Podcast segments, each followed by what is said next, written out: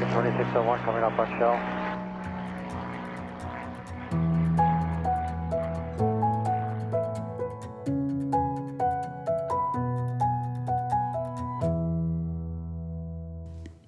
Hej og velkommen til Skyhooked, Danmarks første faldskabspodcast. Hej Michelle. Hej Mi, så er vi her igen. Det er vi nemlig, og vi har noget ganske særligt til dig derude. Det er nok det mest specielle, vi nogensinde har lavet. Ja, det er det faktisk. Hvorfor er det specielt? Det er specielt, fordi at det her afsnit er optaget over en periode på to måneder eller sådan noget. Ja. Øh, første del af afsnittet, som I kommer til at høre om lidt, det er optaget i midten af december 2018, mm. og anden del i marts 2019. Nej, Februar. og Nej, anden, februar. anden del er optaget i februar 2019. Ja. Og det, der også er specielt, det er, øh, at anden del, den bliver optaget to dage før Go Live. Ja, Det her, det skal, det skal ud på internettet i overmorgen. Mm. Så det, det er så tæt på. Det er sådan lige til kanten journalistik, ja, som, ja. som vi nogensinde har gjort. That's how we roll. Ja, det er det så overhovedet ikke. Nej, det er det ikke. Og det er, også Sådan derfor, vi vi roller. sidder, det er også derfor, vi sidder her og laver fejl hele tiden, og har en kat, der løber rundt, fordi nu skal vi være færdige, og så, så, så det kan man ikke. Nej, Så går alting galt. ja.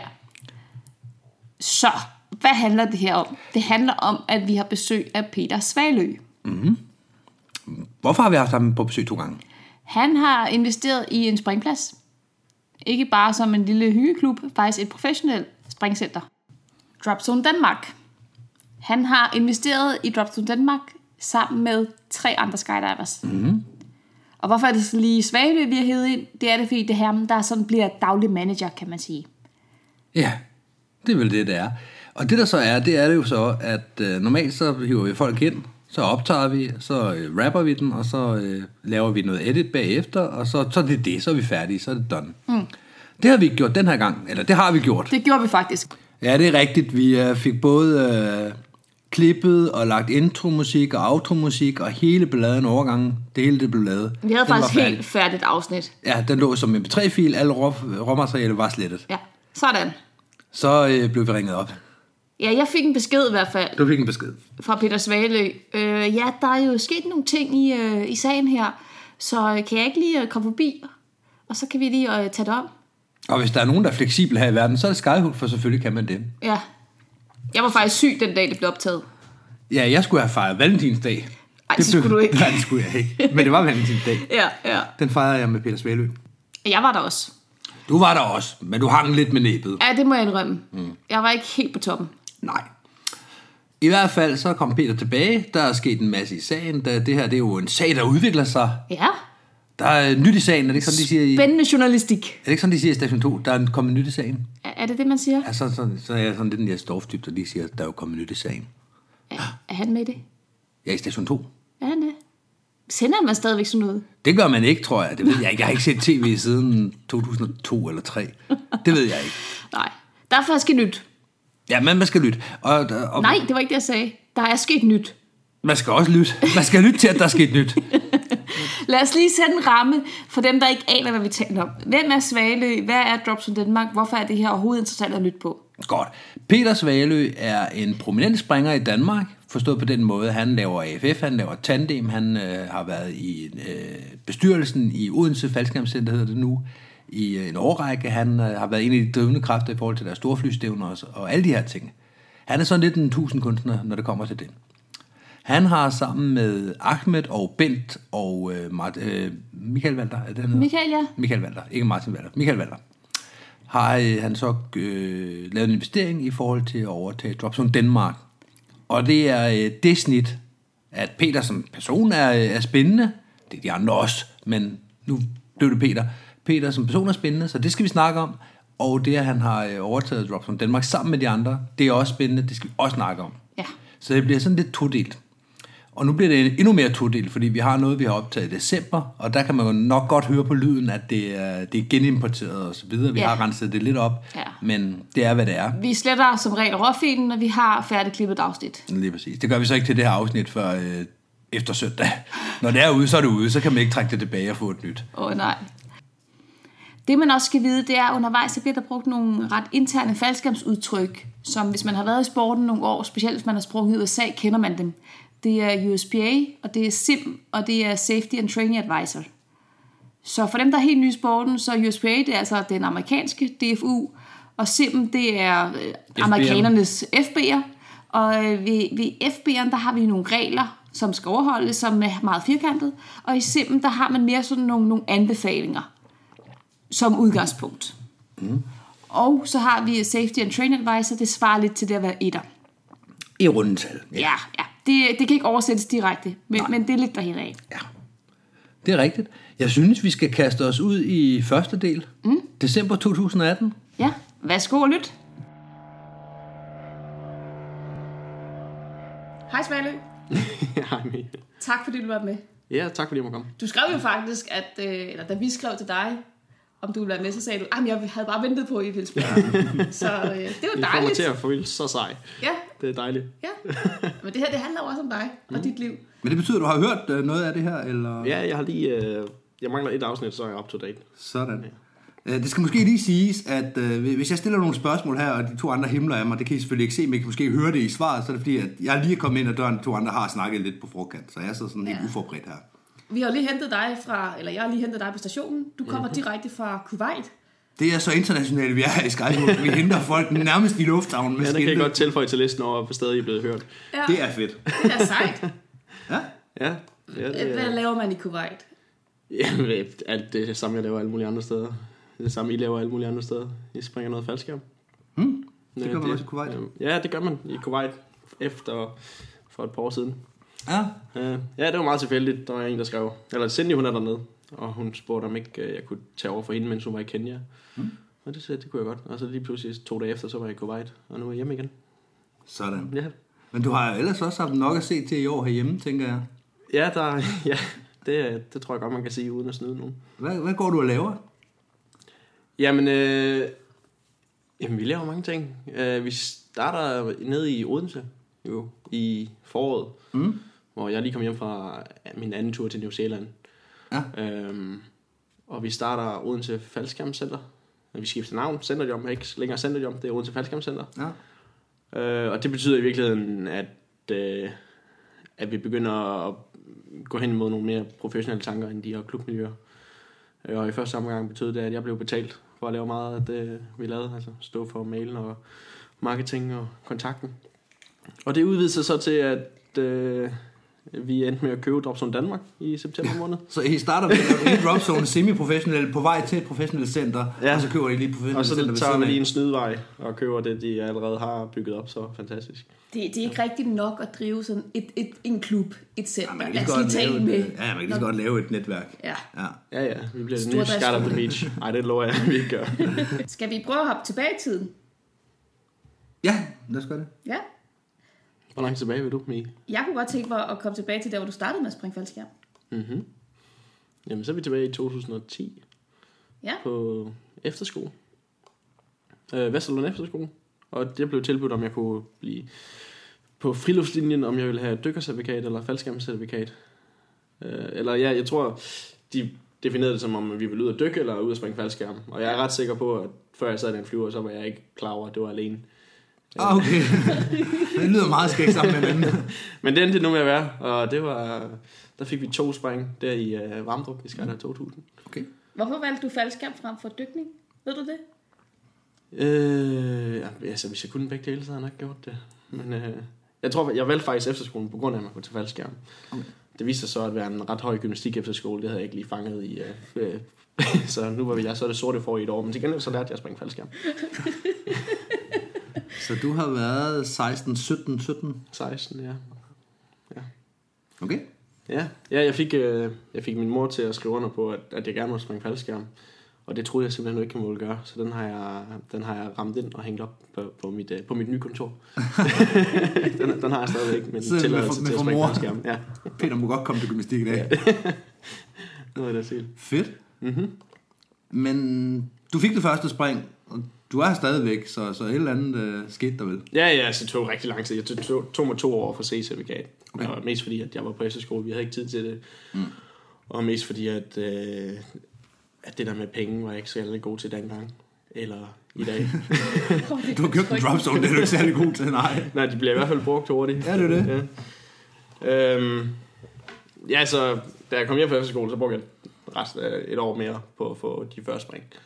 Og så siden da har jeg fået 200 spring om året, cirka, eller sådan noget. Og så fik jeg en eller anden vild mulighed for at få et arbejde i Wanaka for et par år siden. Og så I New Zealand? Ja, samme sted som Kim Bo og Timmy og alle de der rockstars har været, så Ja. håber jeg holder standarden. Så det er sådan ligesom high school of skydiving, det der noget. Ja, ja, ja, Alle det tager er- lidt udlandsophold for at lære tingene. Ja, ja, helt vild oplevelse. Det var, Hvad lavede du dernede? øh, jeg sprang tandem og video. Okay. Der var ikke rigtig noget fun-spring. Havde du tandem rating, da du tog dig ned, eller var det noget, du købte ned, eller hvordan fungerer det? Nej, jeg, jeg, jeg havde ikke uh, tandem-certifikat. Altså, jeg skrev til dem, uh, om ikke jeg kunne få jobbet, og det sagde de egentlig ja til. Mm. Uh, men tanken var, at jeg skulle ned til vinter. Så jeg havde sagt, uh, jeg har tandem-certifikat og 100 tandemspring, når jeg kommer. Uh, men så sagde de bare, at hvis du kun har 100, så, uh, så, bliver du, så er du ikke varm nok til at kunne følge med hernede om sommeren. Så hvis du gerne vil have jobbet, så skal du være hernede nu. Så jeg, fedt, okay, jamen jeg tager næste flyver, og så sagde jeg op på jobbet, og så en uge efter, så var jeg i Wanaka. Men i løbet af den uge der, så skulle jeg lige have fortalt ham, at det her tandemcertifikat, jeg havde påstået, jeg havde, det havde jeg faktisk i virkeligheden ikke. Åh, ja, det skal man også lige have solgt ind. ja, planen var at tage tandemcertifikat, og så en sæson i Danmark, men den holdt ikke, så jeg tog tandemcertifikat op i Bay of Island. Så jeg skal lige forstå den her rigtigt. Mhm. Du tog til Vandaka uden et uh, tandemcertifikat. Og du havde med sagt, nul, du havde det. Med nul tandemspring. Ja, For at blive tandemmaster. For at være tandemmaster, altså. yes, yes. Ja, jamen, jeg troede virkelig, at det var noget, der var, jeg kunne lide. det der med at lyve på CV'et, ikke? det der med at sige, det kan jeg sgu nok godt. Jeg har aldrig prøvet det, men det kan jeg sgu Jamen, nok jeg havde, godt. så, jeg havde så senere, eller inden jeg tog derned, fortalte ham, at kan du huske, da jeg sagde, at jeg havde tandemcertifikat? Mm. Det havde jeg faktisk ikke. Det er jo vildt at rejse halvdelen af jorden rundt for at tage et arbejde med noget, man faktisk aldrig har prøvet. Ja, ja, det er lidt vildt. Men du tog det et andet sted så, eller hvad sagde du? Ja, jeg tog det op på Nordøen, om i Bay of Island, der var. Okay, Og lidt op i Auckland, hvor de har skydiving-skolen. ja. Ja, så ja, jeg, jeg ved ikke, hvordan jeg havnede der, men det var helt utrolig heldig, og jeg er evigt taknemmelig. Kunne du så lige at springe tandem? Ja, det var helt udmærket. Helt udmærket. jeg er i hvert fald fortsat. Hvornår var det, du rejste til Vandaka? Jamen, det gjorde vel i, gjorde det i 15 eller 16. Eller sådan noget. Okay, sådan to-tre år siden. Ja, Fedt. så var der et år det første gang, og så var jeg hjemme, og så et halvt år, og så er jeg hjemme nu. Men ja, du fik omkring 200 spring om året indtil da. Jeg Ja. går ud fra, at du fik nogle flere i Monaco Ja, altså den første sæson fik jeg vel 1400. på en sæson. Ja, Hold da kæft. ja det var, det, det var lidt, lidt at snyde, ikke? Det, det er nemt at få tallene dernede. Jo, jo. altså, jeg vil sige, 1400, det er, hvad jeg knap og nap, hvad jeg har fået på 8 år hjemme. Ja. Og jeg er egentlig godt tilfreds med mit øh, Og count. det er faktisk ikke kun herhjemme, du har også været ude Jeg har også været gange. ja. Du har Ja. ikke arbejdet med det. Nej. Nej, nej, altså lige så meget som jeg sætter pris på at lige springe, så er det noget andet. Og altså, Det er en de, arbejdsdag. dine 1400 spring, de er væsentligt sjovere end mine Ja, det er 1400. det. Det er det. Ja. Altså, ja, det er ikke det værste job at være tandemaster, men altså... Men det er også- 1400 på en sæson, så pakker du ikke selv, og så er det bare fra morgen til aften fire dage om ugen, eller hvad? Ja, yes, øh, fem dage om ugen, ja. Okay. Øh, og ja, ikke mere end 13 timer om dagen. Men i sommersæsonen mødte vi typisk klokken 6 og havde fri klokken 7. Okay. Er turismen øh, så udbredt dernede, at det er, det er vel turister, I Ja, helt ekstremt. Altså, det var 90% kinesere, vi springer med. Ja. Så indimellem var man held- heldig at få en blond europæer. Men- Men det meste af det, det var sådan 40 kilos øh, kineserkarte.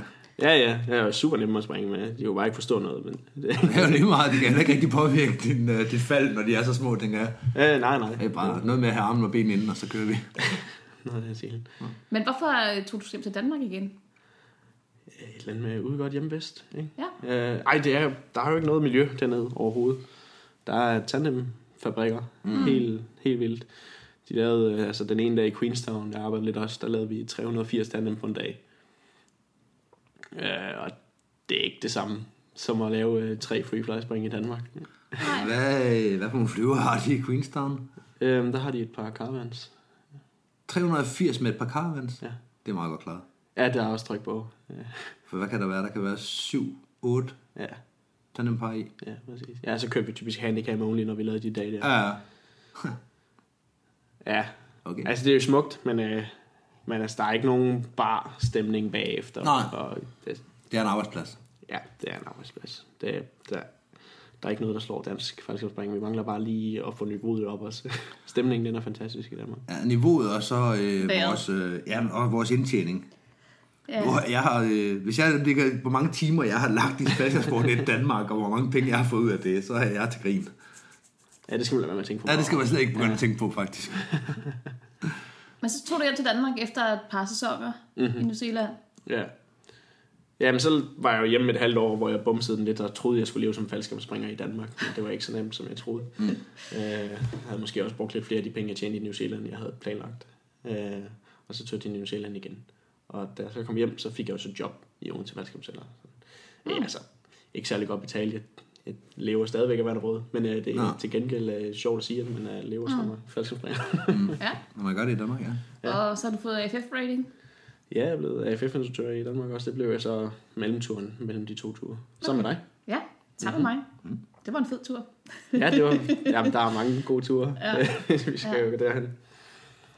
Så hvordan fungerer det med, med UFC nu? Jeg, jeg tror ikke helt, jeg forstår... Øh, Nej, jeg kan forstå er I klub, er I professionel, er I sådan begge dele, eller lidt af hvert, eller? Jamen, vi er vel... Øh, jamen, vi er en klub, Okay. øh, som gerne vil gå professionelt. Så det, som klubben har gjort, det er, at de har ansat Odense Faldskabscenter APS til at stå for meget arbejde.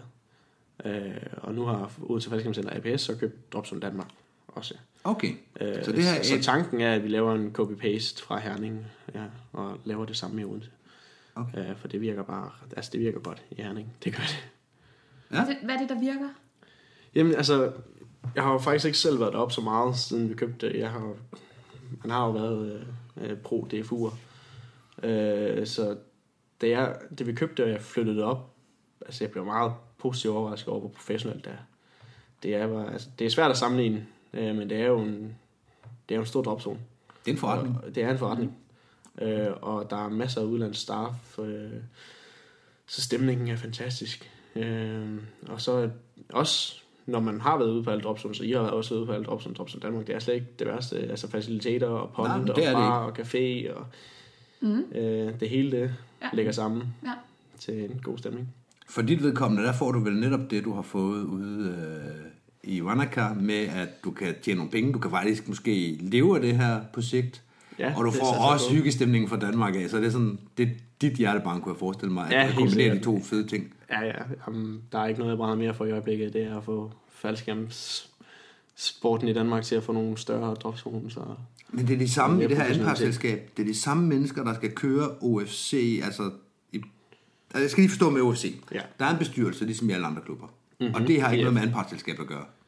Øh, nej, ikke som udgangspunkt. Altså, vi er et par stykker fra par Ja, ja, som, men det er to forskellige ting. Der er en klub, som kører med en bestyrelse, ligesom man gør alle steder. Ja. Så er der et anpartsselskab, som, som driver aktiviteterne, Øh, tandem, elever.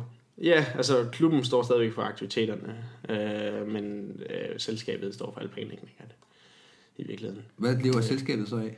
Selskabet får en procentdel af overskuddet fra tandem og elever. Og sådan noget.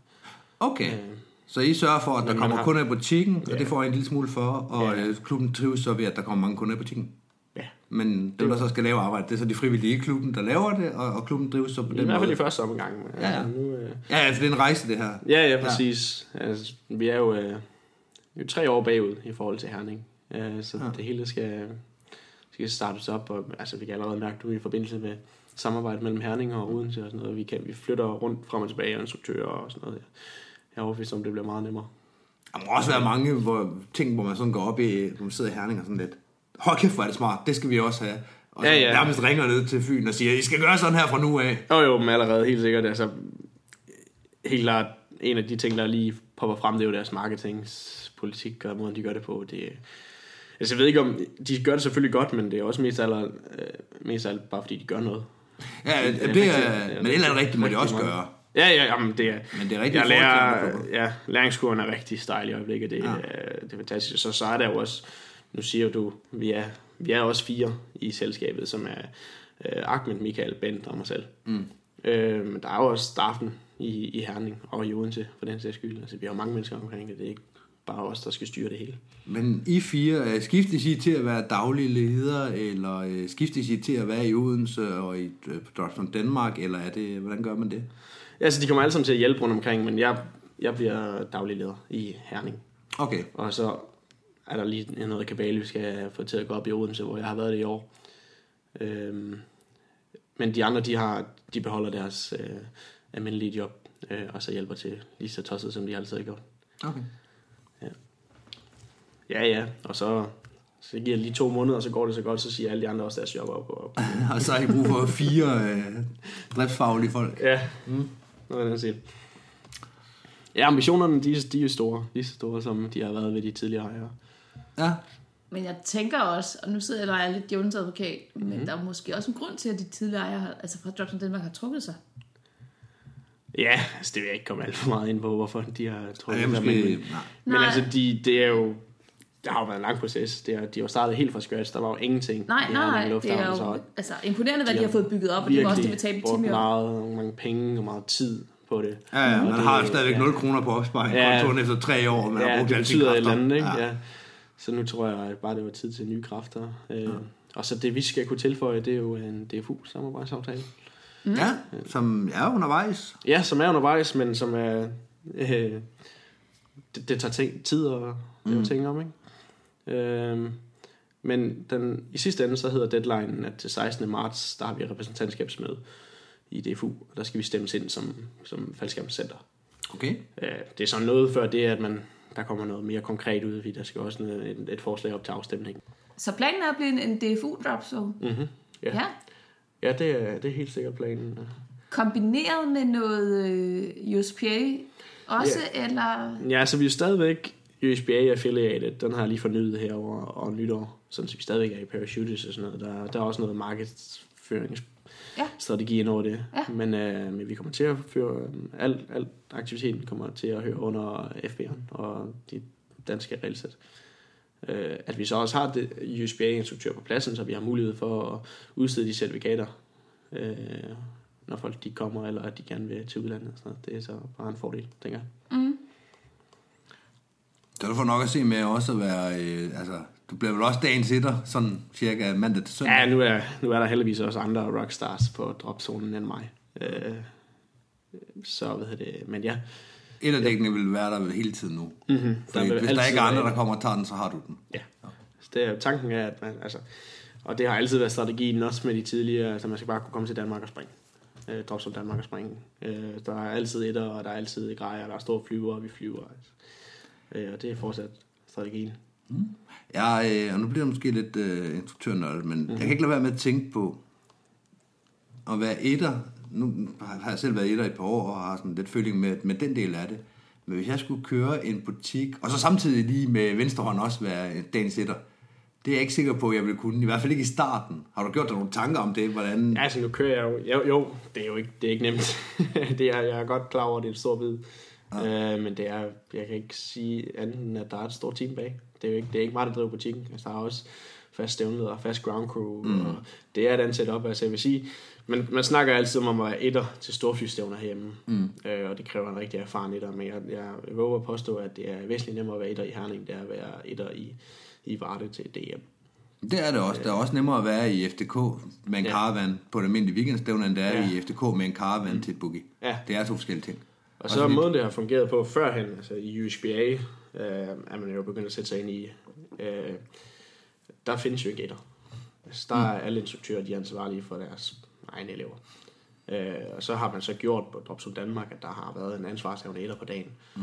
Øh, men ellers så er de meget selvstændige, de øh, instruktører, der er deroppe. De er vant til, at de skal tage beslutningerne selv. Øh, øh, og de er også rigtig gode til at holde øje med øh, alle springerne øh, og træde ind, hvor der skal trædes ind. Mm. Men det er ikke nemt. Det er jo det er en helt anden, et helt andet spil end DFU, det må man sige. Jeg tænker, en anden ting, som, som vi i hvert fald ikke kender herover, fordi vi har jo, vi har jo kun DFU, det er, at både du og en af jeres to år, både er instruktør i, øh, altså både Tandem Master AFF i USPA-regi, og to år i dansk regi. Du er etter i dansk regi, og øh, Safety and Training Advisor i USPA-regi. Mm-hmm. Det er to regelsæt. Det er, og jeg ved godt, der er en hel masse øh, overlap og, og ting, hvor det er sgu cirka det samme.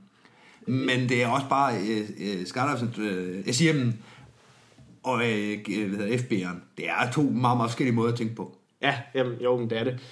Øhm, men nu skal man heldigvis... Man, også, man skal også være voksen nok til, og det har, tror jeg også altid, DFU-holdningen har været, at når man ikke kan svare på et spørgsmål, så skal man lige kunne svare, slå det op. Mm, og det er meget... Altså, det kan godt være, at øh, sim øh, i USBA, deres FB'er, den, mm. øh, den er anderledes, men den, øh, og det kun er guidelines og sådan noget, Ja. men, men det er meget springspecifikt.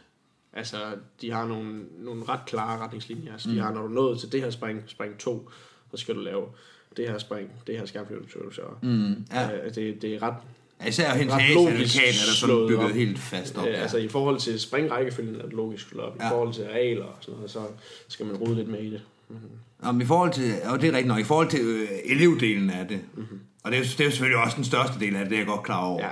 Men, men lige snart man kommer ud over det, og vi sådan lidt en video, hvor mange spring skal man have i den ene regi, hvor mange skal man have i den anden, og skal man have det i den ene, og skal man have det i den anden, eller er det bare en anbefaling, noget der kunne være dejligt at have, eller skal man snakke med nogen først, eller skal man have et stempel, eller, altså, ja, ja, men altså, sådan, det vil være sådan på Dobson Danmark, at vi tager den strengeste regel.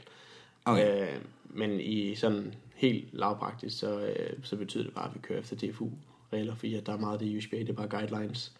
Okay, så det er egentlig et DFU-regelsæt, og så der, hvor øh, SIM eller guidelines, de er lidt strengere, Ja, ja. så er det dem, vi plukker ind over, så I skal huske øh, 50 regler i det ene sæt, og det hele i den anden. Ja. Ja, ja. Et eller andet sted, altså alt, alt hvad vi laver, alle elever, vi uddanner, alle tandem, vi springer, det bliver under DFU-regi. Øh, Så vi, vi behøver ikke, altså alt der, hvor det bliver kringlet, det er jo, når de ikke har så mange spring. Mm. Så hvor mange spring skal for det ene og det andet og sådan noget. Så, så vi behøver ikke bekymre os om simpelthen så meget. Okay. Øh, som før der er en, der kommer og siger, jeg vil gerne, jeg vil gerne omkommenteres, eller sådan noget. Mm. Men der har vi tilpasset det sådan, at, at det skulle være lige til. Altså, de ligger op af hinanden.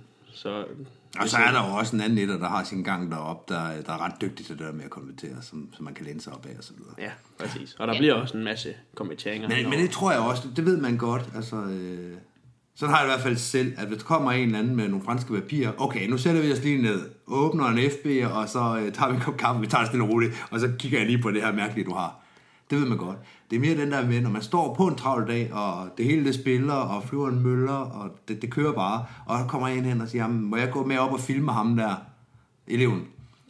lige pludselig så bliver det sådan et meget specifikt, må jeg gøre det under de her forhold ting, hvor der er sådan, okay, jeg skal huske den her regel, jeg skal huske Det her helt handlebaneagtigt. Ja, og det gør det, men, men lige præcis med sådan spring, den der med, må en, må en C-spring gå med op og observere. Ja, men, og det er, Måske. netop, det er netop handlebanen, men når man er nødt til at gå til det rigtig øh, praktisk og simpelt også. Og sådan fungerer det også øh, i alle, på alle de dropzones, jeg har været. Altså, hvis, hvis man er i tvivl, altså man holder sig bare til sit eget staff. Så mm. jeg tror ikke det der med, at når folk de kommer og siger, okay, jeg gør det her med ham her, så i langt de fleste tilfælde, så vil jeg sige, det bliver ikke i dag, eller det er ikke på den dropzone her, fordi det er nemlig rigtig svært. Det er ikke en DFU-klub. Så, Så hvis jeg kommer forbi, jeg har en elev med fra NFK, Mhm. mm-hmm. nu er vi taget til Drops Danmark, fordi der er boogie, der er glade dage, der er storflyver. Og så siger jeg, jeg vil gerne med ham herop, Peter, må jeg det? Så vil du sige, ja, det er altså en af mine instruktører, der gør. Det du kan Nej, der, der tager du mig på ordet. Uh, nej, vi springer stadigvæk uh, DFU-system, og vi håber og forventer, at alle klubberne de tager alle deres elever med til Dopsum Danmark, og de skal uh, selvfølgelig kunne springe. Det er, Så hvis det er reglen er mere- til at gennemskue, så må jeg godt springe med ham. Hvis den ikke er, så er det en af dine, der springer med ham. Eller...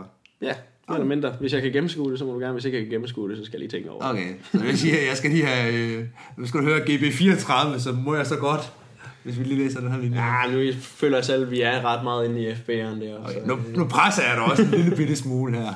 Ja, vi har lige siddet og sagt til, til Stakkels Valø, at det her det er jo ikke en eksamen. du er faktisk ved at eksaminere ham. Undskyld, det var ikke meningen. Nej, Nej, jeg, jeg, fordi- jeg, synes, det er spændende. Jeg Ja, synes, det det er er spændende, ikke fordi, at jeg skal sidde og skyde den ned, for jeg synes, det er super fedt, at vi har Drops from Danmark. Og, og det er, undskyld, det er og det er jeg mega er- indviklet, og det er det. Det, ja, lige præcis. Jeg, jeg vil bare... Jeg vil have en lille knude i maven, hvis jeg sad i din stol. Og det er den, jeg prøver at spørge ind til. For det er ikke for at prøve at skyde dig ned og sige, kan du svare på alle reglerne i hele verden? Ej, jeg vil også lyve øh, der lige i ansigtet, hvis jeg sagde, at øh, der, der er bare styr på det. I kan ikke, I Nej. kan ikke øh, fælde mig. Det er der altså. Så- så det- alle instruktører vil lyve, hvis de sagde, at der altid været styr på alting hele tiden. Nej, overhovedet ikke. Øh, Men jeg tænker også, at planen er jo også, at i med tiden bliver mere og mere DFU-agtig, så der vil være en overgangsperiode, hvor det er rigtig, rigtig tricky, og man skal holde tungen lige i munden. Men så med tiden, så vil det jo kun være DFU-elever, der kommer ind på pladsen og bliver oplært under DFU, mm. og så vil der af til være gæster udefra, man jo så må tage som enkelt tilfælde. ja, ja, altså alle vores springere, øh, som er uddannet på Dropton Danmark i øjeblikket, som har USB-certifikater, de vil blive om- omkommenteret med det samme. Ja. Så det bliver... Øh, DFU mere eller mindre for det samme. Ja. Øh, vi arbejder sådan med noget overgangsperiode, så vi kan, vi kan bruge en sæson på at kommentere dem, eller noget i den stil. Altså jeres staff, eller jeres elever, eller jeres Jamen, det handler, det, altså staff, de bliver også alle sammen kommenteret. Øh, men det er også elever og fondspringere, og det er jo det er næsten den værste, fordi at dem har vi også 200 af. Mm. Og Har I 200 USPA? i, altså, man skal passe på at sige noget, så... øh, Så det er ikke så firkantet, Mie. Så skal du ikke eksaminere ham. Har I 200 om året, kan du spørge? Øh, jamen, vi har da helt sikkert øh, 200 springere, som kommer på Drops Danmark, som ikke har været i DFU. Altså, når Okay. der, der kommer folk fra England, der er ty- typisk swoop, alle ja, ja, camps og sådan noget. Der Okay. kommer jo andre folk. Ja, okay. Jeg troede, det var folk, der sådan regelmæssigt sprang på, øh, på Drops in Denmark. Nej, nej, altså, Fordi det, så var jeg meget imponeret over trafikken. du skal være imponeret over trafikken. Ja. Øh, Det er jeg også. Men altså, du siger, staff kommer også til at skal konverteres. Det vil sige, en AFF-instruktør, hvordan vil... Må, vi kan klippe det her ud, hvis det er. Du skal ikke føle, at jeg, jeg eksaminerer dig. Jeg, jeg spørger nysgerrigt. Øh, det er noget af det, øh, vi er i gang med lige nu. Men mere eller altså, der, der bliver, det bliver meget individuelt fra person til person. Okay. Altså, de, de danskere, eller de faste staff, vi har der, mm. Øh, de vil få en eller anden overgangsperiode med, at øh, de må gerne virke, som de har gjort, hvis de bliver instruktørelever og går op til eksamen næste år. Ja. Og så, bliver der, de der, så er der også den type springere, som har 2.000 FF-spring. Ja. Øh, kommer fra Australien og skal mm. springe. Øh, og de er der kun et halvt år, så dem skal Ja, ja, selvfølgelig ikke, de skal selvfølgelig ikke gå til eksamen i oktober. Mm. Øh, så, så det er noget af det, vi diskuterer med EU lige Ja, for jeg kan jo se, at der er tre kategorier her. Der er øh, dem, der er her fra Danmark af, som, som virker hos jer også. Mange af dem har jo noget af rating på, på plads. Det er de nemme af dem, jo. Og, ja, og resten det er jo bare sørge for at få dem til eksamen, når det er. Så har du de udlandske. De falder ned i to kategorier i mit hoved. Den ene er selvfølgelig, hvis du har en rockstar fra Paris, der har 10.000 spring. Okay, skulle vi ikke bare se at få sat et stempel, og så øh, få sendt Claus Larsen op, og så kigge på det og se, om det ser fornuftigt ud. Og så og nu forestiller jeg mig bare, tænk hvis der var en eller anden, der en dag øh, søgte et job, og, og sagde, jeg har tandem rating. Nå nej, det har jeg forresten ikke. Men jeg kunne godt tænke mig at arbejde for jer alligevel. Dem der, der kommer, måske har lige taget en rating, måske er de lige ved at tage en rating eller andet, og så kommer til Danmark. Øh, fordi de skal jo også have en eller anden... De, de er jo ikke så nemme. Det er jo desværre dem, der, der måske har en rating og, og så 100 AFF-spring og kommer til Danmark. Fordi kan de det, Altså AFF'en er helt klart den svære. Tandem er den nemme. De, de skal bare, så både Tandem og AFF, de skal jo forbi en, en DFU-eksamener. Mm. Øh, så kan det være, at de skal springe dem, det kan være, at de skal have en teoriprøve, og så får de et DFU-certifikat. Ja. Øh, men AFF'en den er sværere, fordi at man skal være to år i Danmark for at blive AFF'er. Mm. Øh, og så begynder det at blive rigtig kringlet og indviklet. Øh, og det er stadigvæk ikke på plads endnu. Det er, det er derfor, vi trækker den lige til, til øllet med at komme ud med noget øh, konkret. Ja, i hvert fald den er svær at komme udenom, ikke? For hvis du siger, okay, så behøver man ikke helt at være to alligevel, så vil der også være nogle danskere, altså danskere bosat i Danmark, der springer under DFU, som siger, så gider jeg heller ikke være to men jeg vil godt være FF-instruktør. Jamen, det bliver noget med at give dem nogle dispensationer til at kunne gøre noget. Mm. Altså, de skal for, eksempel ikke, altså, der er, de skal selvfølgelig ikke sætte stærk løb. Men der har jo også været snakket om i DFU-regi, om man skulle springe det der to og trin over. Så mm. folk, der har altså, kompetencerne til at undervise, alt det pædagogiske, mm. og er rigtig gode til at, at lave AFF, at de så kan få lov at blive det, og så droppe og sætte stadig der elever. Altså, Altså, snakken der har været oppe et par gange i min tid i. Ja, præcis. Ja. Så det kan jo være, det er det, der bliver løsningen. Who knows? Jeg synes, vi skal, øh, skal skifte lidt til, at du stiller nogle spørgsmål, så vi måske kommer en lille smule ud af det instruktørtekniske. Synes du det? Ja, det synes jeg. Det synes jeg er hensyn til vores lyttere, hensyn til Peter, hensyn til verden Nej, generelt. hvis, hvis man lige kan runde den af, så vil jeg bare sige, at hvad hedder det, jeg ved, der er rigtig mange spørgsmål derude. Øh, og vi har ikke svarene på dem alle sammen i øjeblikket. Vi ved bare, at vi har alle sammen et fælles mål om, at, at Dortmund Danmark skal selvfølgelig blive en del af DFU, og DFU siger, at det skal selvfølgelig kunne lade sig gøre. Mm. Så der er, Og når vi spørger, Alle så er det jo fordi, at det er interessant. Det er jo, det er jo Ja. en, en gordisk knude, der skal løses. Ja, ja. Men der er ikke nogen, der... I hvert fald ikke her i stuen, så er der ikke nogen armen over kors og siger, jeg håber, I æder med, I falder og brækker jer. jamen, det har jeg overhovedet ikke mødt nogen. Nej, Øh, de fleste vil jo gerne, altså, Ja. der er også mange, ved jeg, fra alle mulige klubber rundt omkring i Danmark, der kommer til Drops on Danmark, fordi hey, det, er lidt, øh, det koster lidt mere for tingene. Til gengæld, så behøver du ikke at tømme askebær eller vaske gulv, inden du kører hjem. Du kan bare skrive, når du er færdig, og så er der nogle andre, der tager sig af det. Altså, så det, det, det, det, er dig, der skrev uden, uden at være skuld sidste gang. Ja, det gør jeg normalt i klubberne. fordi jeg har været inde, så det behøver jeg ikke hjælpe med. Nej, det gør jeg ikke, men jeg synes, det er fair nok at betale 15 kroner for en øl, og så er der gengæld ikke at tænke over, om, Ja. ja. om skraldespanden skal tømmes i morgen. Er du færdig? Nu er jeg færdig. bliver aldrig færdig. Jeg bliver færdig 16. marts. 16. marts. Og det her afsnit kommer ud omkring marts, så det er rigtig fedt. Ja, det gør det. Det er højaktuelt, Ja. når det kommer ud, det her. Ja. Sig noget. Ja. Jeg vil- kunne godt tænke mig at høre lidt mere om dig og din motivation Mm-hmm. for at, at, at købe en dropzone. Altså, og nu lægger vi alt det tekniske fra os, Michelle, Mm, mm. og bare kigger på, på dig som person. Prøv- Kan du fortælle noget mere om det? Ja, jeg kan prøve. øhm, Hele dit liv har jo handlet om faldskærm, fra du fyldte 16 ja, jeg tror, stort set. ja, ja, man kan godt sige, at faldskærm det har ændret mit liv. Det, Ja. det, det er helt sikkert. Øhm, øh, jamen, jeg tror, man kan gå ned til, at de, de bedste spring, jeg nogensinde har haft, eller der, hvor jeg har rykket mig allermest, øh, da jeg startede i sporten, det har været på de her øh, klubture til, til Spanien hovedsageligt. Øh, hvor vi bare har øh, sprunget røven ud af bukserne, fået øh, halvdelen af de spring, vi har fået hele året på en uge, øh, og fået noget fed coaching, og er kommet hjem som rockstars, og med en masse drukhistorier, og øh, helt klart noget af det, jeg husker tilbage på som det allerbedste. Og det har bare ikke kunne lade sig gøre i Danmark, synes jeg. Nej. Øh, vi kan godt finde ud af fest i Danmark. men, Ja. men, øh, men jeg synes, der er langt imellem de der kom og spring røven ud af bukserne, og så kom hjem, og så følte du er blevet 50 spring rigere også på, hvad du egentlig kan Ja. vise for det. Øh, så, og det, er også, det har vi også prøvet i Odense, det er jo ikke, det er jo ikke nyt, den her tanke om, at vi godt, kan, vi godt vil øge fokus på det. Øh, så jeg har også været med i Odense altid, når I, vi har tit snakket om, I har tit snakket om Beach Boogie, og senere her, de Hercules Boogie og sådan noget. Jeg har været med til dem alle sammen, og været med til at organisere dem alle sammen, og det er bare vildt hårdt. Mm. Altså, det, Ja.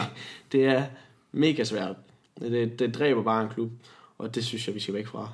Nej, jeg tror bare, der er rigtig mange kræfter, der brænder inde ude i, ude i Falskhems Danmark. Øh, rigtig masse penge, der bliver brugt forkert, øh, hvor vi kunne bruge dem bedre. Ja. Øh, så det vil jeg kæmpe for. Vi har jo snakket om før det her med, at det giver ikke mening, at vi har rundt 20 klubber i Danmark, der hver især vedligeholder enten en 172 eller en 182. Med alt, hvad der kommer af forsikringer, af fueltank på pladsen, af vedligehold, af gangtidsbestemmelser, af camo og alle de her ting her. Og de gør det samme 12 km i den retning, og de gør det samme 24 km i den retning. Ja. Det er fuldstændig hul i hovedet. Ja, ja, altså vi skal, vi skal samle os om noget af alt det her. Altså nu, når jeg snakker med Nikolaj, så er der jo gang i noget marketingsfront, som ja. jeg synes er helt fantastisk. Jeg har Og altid været, tiltrængt. altid været for det. Uh, for det er jo noget af det, man bare kan bruge så meget energi på ude i klubberne. Mm. Kommer Drop from Danmark til at være med i det samarbejde på sigt? Ja, det vil jeg da håbe. Ja. Det, det vil jeg da sætte stærkt frem til. Ja. Uh, ja, helt sikkert. Uh, Dorsen Danmark er her for at øge uh, faldskærmsaktiviteten i Danmark. Og jeg tror også, og jeg tror, og det er min filosofi, min religion, det er, at når uh, altså, det kommer til at regne ud over he- hele ingen. Ikke? Jeg mangler et, ord, et ordsprog, jeg ikke lige kan komme i tanke om. Mm. Men når aktiviteten stiger i Dorsen Danmark, så kommer det også til at gå ud steder. over de andre Ja. ja. klubber uh, positivt. Ja. Det, Og det regner for præsten. Så Er det drøber det på dejen. Jamen, det drøber ikke bare på dejen, det drøber på hele menigheden. Ja. At, lad os tage den. lad os opfinde Solgt. Men vi var jo faktisk, øh, vi var i Stockholm sidste år Ja. og springe. Der kan jeg huske, at vi snakkede om det her med den måde, de kørte på. Fordi de har jo bare det, 3.000 øh, tandemmer hen over sommeren. De har 100 dages aktiviteter, så lukker de det. 30 i snit hver dag, 100 dage i streg, og så siger de, det var det. Og det gør, at de kan have en twin der stående, som vi kan komme og bruge. At vi snakker om det der med, jamen, hvordan gør de så? Jamen, de har faktisk et samarbejde, som man går ind på... Øh, og det står om bryggen af mig. Man går ind på Skydive Sweden eller Skydive Sverige eller et eller andet .com, og så siger man, jeg vil gerne springe, jeg vil gerne springe den dato. Jamen, så kan du springe i Gritchum, eller i Skåne, eller i øh, Helsingborg, eller hvor pokker man nu kan springe hen. Og så, og så er det bare den samme hjemmeside. Det er præcis det, man gerne vil lave i Danmark nu, og det synes jeg jo, det er jo helt oplagt. Ja, ja. Hvis det betyder, at man kan have en twin otter op i den norske eller den svenske vildmark, så, så, så kan det et eller andet, den løsning. Ja, jamen jeg, jeg, jeg tror 100% på det. Ja. Der er, der er selvfølgelig gråzoner, ligesom alt muligt andet, og der er forskellige typer tandemspring, man tilbyder og sådan noget. Så mm. man skal, men det tror jeg også er rigtig sundt for Danmark, at vi får, øh, vi, øh, vi får standardiseret det en lille smule. Ja. Øh, Så hver klub ikke skal opfinde den dybe tallerken selv. ja, mm. præcis. Ja, det er det, vi gør. Og nogle klubber er gode til A, og nogle klubber er gode til B. Og så er de rigtig dårlige til A, og dem her over, de er rigtig dårlige til B. Og så Ja. i stedet for bare at slå sig sammen, og så er alle gode til alting, og bruger kun en tiendel af kraften på det. Ja, noget af det, Dropson Danmark, de kan jo, det er jo også alt det her udlandske staff, der har mange, mange tusind spring, mm. som, som kommer, de har jo bare noget erfaring, som man ikke kan få i Danmark. Ja. Øh, Ja, der er også en grund til, at typer som dig tager til udlandet for at få erfaring. Så Ja, komme hjem ja. og have den erfaring, den, den bagage med dig. Ikke? Jamen, det var lige præcis det, vi snakkede om før med udlandsturen også, at man får 50 spring, men det er også kvalitetsspring, fordi man får lov at springe med nogen, der er bedre end en, så man faktisk har rykket sig tilsvarende, når man kommer hjem. Jamen, jeg tænker også at tage, tage udlandet og arbejde. ja, Nå, Ja, Lige så tage det- 1400 ja, spring i New Zealand, ikke? Jo, jo. Altså, det jeg har lært på, på, på tandemspring i New Zealand, det har jeg jo altid tænkt, at så skal jeg hjem til Danmark og, og lære det fra mig. Øh, Og jeg kan selvfølgelig ja. godt lære en masse fra mig, men det er, bare, det er faktisk skidesvært, fordi man får ikke springene, og man, man, jeg kan ikke lære det fra mig. nej. Folk i Danmark, de er ikke varme nok og current nok. Nej. Øh, det, men vi, vi kommer derhen af. Det er, vi er på vej i den rigtige retning. Det er en spændende tid at være faldskærmspringer i Danmark. Jeg kunne forestille mig at svare lidt til at holde skærmflyvningskursus for folk med 10 spring om året. Det er sådan, Ja. det skal du bare lande sikkert indtil videre. Ja. Ja.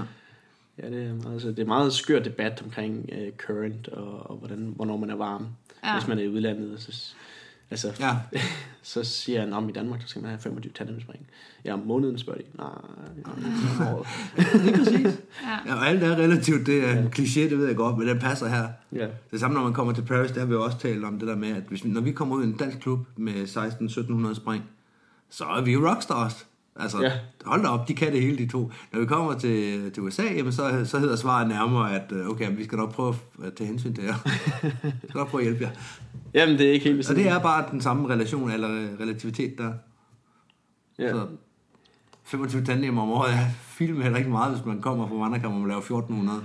Nej, altså det er selvfølgelig, øh, der er mange ting, man ikke kan implementere, og vi skal heller ikke implementere alt, fordi der, Nej, nej. Der, er, altså, der er også en grund til, at jeg tager tilbage til Danmark. Det er bare, fordi jeg tror på, at det er, Danmark har noget, man kan aldrig nogensinde kunne få. Mm.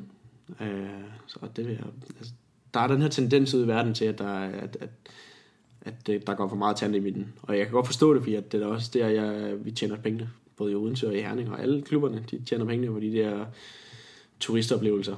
Mm. Men det har bare gået ud over i mange klubber, at de har stoppet alt andet. Og Ja, ja, det gør pengene virkelig- er jo. Det gør ondt på mig. Ja. Øh, det, det skal vi holde fast Så du i. er faktisk klubmenneske. Ja, jeg er meget høre. rigtig. Altså, jeg har, ja, jeg har været i klubben i ni år, ikke? Altså, jeg har Ja. brugt al min tid på det. Ja. Så selvfølgelig er jeg klubmenneske. Ja. Jeg er også bare rigtig træt af at bruge energi på noget, der ikke kommer nogen vegne. Det kan jeg sagtens følge. Mm. Hvad med flyvere mm. i øh, UFC? Hvad er planen der? Er, Øh. er der lånt caravan ind, eller... Nej, men det viser sig, at en, en, en flyver, de er ret dyre. Nå, Nå, Ja. Ej, vi sidder begge to rykker en halv meter tilbage i åbenlys uh, amaze. Ej, vi har alle ambitioner, øh, men et skridt ad gangen. Ikke? Nu, øh, øh, vi skal også lige have nogle, nogle tal og noget. Og, altså Sten Ulrik, som har Caravan, han er rigtig, rigtig samarbejds, øh, samarbejdsvillig, og han, han elsker, at vi har steder i Odense og i Herning, og hvis det stod til ham, så købte han bare en flyver mere. Mm. Øh, men det er ikke helt så simpelt. Øh, så, han har taget tegnebord op i lommen. Ej, rolig, rolig. Øhm, ja, ja, og, og i øvrigt også en person, som er et eksempel på en, der virkelig, virkelig vil sporten. Mm. Øh, Ja. Det kan man godt se nu, når jeg også begynder at samarbejde tættere med ham. Øhm, så ja, vi må se. Det, det er nok ikke uh, marts 2019, vi har en, uh, en Skyvan stående fast i Odense. Men uh, Men det planen måske er... Hercules. Men, Ja, ja. Hercules kan nok godt gøre det. men, men planen er vel at låne øh, caravan ned nogle gange til UFC, eller hvordan? Jo, Eller, jo, eller jo. kommer den bare til at bo fast i Herning stadigvæk? Altså, det er jo indviklet igen, øh, fordi vi har jo altid åben i Herning. Mm, ja, det er så svært, at lege låne den det ud, ud. men, Ja. men, men de friheder, vi får ved at blive DFU, det er vi jo, vi kan begynde at tage mere ud, og det har de jo ikke haft muligheden for Nej, førhen, nej. at de har været ret fastlåst i Herning. Ja. Men det, det vil vi gøre mere næste år, lave nogle flere indhæb, så besøge nogle flere klubber. Ja, og så er der Men jo der øh, altså- caravanen i, på Lolland. Der er også mulighed for at låne, ikke? Ja, Altså, ja, vi skal, vi skal nok få dem i luften, de flyver. Men er øh, det APS, der ligesom kører det her, er de interesseret i at gøre en masse i forhold til storflystævner i Odense, når I samtidig har en fast drop som med storfly i Herning? Øh, ja, ja, selvfølgelig. Altså, det er det, vi brænder for. Det er også det, der er fedt i Odense. Øh, alle de bookies, vi har holdt, og det Ja. tror jeg, alle kan... Okay, så det er ikke en plan, at øh, man dropper alle de her, for I har jo haft øh, beach og pax, I har haft alle mulige fede flyvere op, ja. Som, som ingen andre har gjort, fordi alle andre de binder enten an med en caravan, det er det typiske, og ellers så er det skyvan så fra Pink. Det er ligesom det, man tør binde anden med i Danmark. Men I har jo faktisk haft uh, Beach 99 og en Park 750 og alle To mulige- gange Hercules. To gange Hercules også, hvis man lige skal nævne den. Superman. Men, ja, men det er en caravan i min bog. Det Ja, er en men 208, og så kan du sætte et bogstav efter. Ja. Nej, jeg kan kun sige, at ambitionerne de er jo ikke mindre. De, det, det fortsætter ved at blive en... Øh, aktiviteten stiger i Odense, aktiviteten okay. stiger i Herning. Øh, uden, uden tvivl. Øh, og der, folk skal også forstå, at vi ikke er gået ind i det for pengene. Jeg tror, der var væsentligt bedre ting at investere i, hvis øh, Åh, jo. det var for at blive rig af det her. Ja. På sigt, selvfølgelig, det er der drømmen. Mm. Men det, det er år, mange år frem til. Ja, lige nu handler det bare om ikke at forgælde sig alt for hurtigt, mens man gør det. Ja, ja, et eller andet sted. Altså, vi skal også lige have det her op på et niveau, vi kan være stolte af, endnu mere stolte af, end vi er. Mm. Øh, så ja, Men I er, altså, I er, øh, I er fire, mm-hmm. Ahmed, Ben, Michael og dig. Ja. Og I kommer til at overtage det, som, øh, som Philip og øh, Kim og øh, Rasmus havde. Så ja. I, I, ligesom, I er fire, der, der øh, det er det samme koalition, eller altså, for- fordeler man tingene anderledes? Er der nogen, der bare er i baggrunden? Eller? øh, det er svært at sige. Altså, det bliver selvfølgelig en helt anden koalition. Fordi at de, fire, de tre, de har, de har været, det har været deres arbejde. Ja. Ja, Fuldstændig. fordi de har alle sammen været ude på dropzonen og Ja, ligesom... ja. Så på den måde er det selvfølgelig en, en anden koalition. Mm. Øh, men i hele det her, der glemmer vi, at, at øh, Philip og Kim og sådan noget, de har jo øh, oplært deres staff. Altså vi har Eskild op, som er mester dropzonen. Øh, okay. øh, vi, har, vi har rigtig mange instruktører deroppe, som er der altid, øh, som bor deroppe. Øh, så teamet, det, er ikke, det har aldrig kun været Philip og Kim. Og mm. det vil heller ikke være os fire fremadrettet. Det, det er meget større, end nogen kunne forestille sig. Altså jeg kan klart anbefale folk at sætte op. Det er svært at forklare, hvor stor en forskel der er mellem Drops Danmark og klubberne, ved at fortælle det. Det, Okay, jamen, det, så, er, så, det er bare en anden verden. Så der Det er venten om, hvor mange, hvor mange ansatte har du i Drops from Danmark? Jamen, det, vi- det er vel dig, der bliver daglig leder for dem, tænker jeg. Mm, ja, ja, det, øh, ja, det kan man sige jo. Jamen, vi regner med at være en, en 15-20 stykker næste år. Det er noget af en arbejdsplads. Ja, det, det er slet ikke værst. Så du har en 15-20 ansatte, og du er ikke gammel nok til at få at blive etter endnu. Når jeg har de 15-20 ansatte, så er jeg gammel nok. Nej, ja, det er det rigtigt. Når det her interview bliver optaget, så er der lige et par dage, uger, Uger. uger til, øh, til du fylder 25, og derfor reelt må være etter. Det er det, der er joken. Og når man hører øh, no, det her derude, så er Peter gammel nok til at være etter, og så skal man ikke øh, få helt vildt ondt i røven og begynde at ringe rundt, fordi at man har set Peter være etter. Ja, og så kan jeg kun sige, at de gik glip af en kæmpe fest den 28. december, da jeg blev etter. Hvor, hvor, hvor gik man glip af den en fest henne? Jamen, det gjorde man på Drops om Danmark. det er på Drop from Danmark. Der gik man glip af den. Ja. Ja, Dagen, hvor Claus han overrækker mig koppen. etterkoppen. Ja, hvor mange blev smidt i ponten, eller blev smidt i ponten den dag? Den Den Og 28. til, til den 28. det- da festen var. Ja. Den var frosset over, tror jeg. Nå, Men ikke med tykkere dag, end du godt kunne komme igennem. Det må vi lige huske at nævne for Claus. Ja. Jeg har et spørgsmål her, øhm, i forhold til, også min egen forhold til det her med faldskærm, at jeg har haft en periode, hvor at, at jeg har været lidt usikker i forhold til min jobsituation. Og mange har sådan spurgt mig, men hvad med det der faldskærm der? Der har du en passion. Kunne du ikke prøve at få noget arbejde inden for det? For det første, det er enormt svært at få arbejde i Danmark i hvert fald inden for det her område. Og det man hører nu, det er starten på Mies jobsamtale hos Peter Svalø. Jeg vil godt lide, hvor det var hen. Jeg vil nemlig også gerne lave et job. Vi søger et job. Ja, kom. Må jeg fortsætte? Ja, nu fortsætter du bare. For det andet, så har jeg det sådan lidt, jeg elsker faldskærm. Faldskærm er en passion. Men jeg er bange for at få det som et arbejde, for jeg er bange for at brænde ud med det. Jamen, det, jeg kan godt forstå øh, dine tanker der, og det er også derfor, jeg er i Danmark og ikke i Wanaka. Ja, Øh, fordi i Wanaka, der er det et arbejde. ja, Det, er- det må man bare sige. ja. Øh, det er ikke det værste arbejde øh, i verden. Men det, det, er, det bliver lynhurtigt arbejde, og lynhurtigt repetitivt.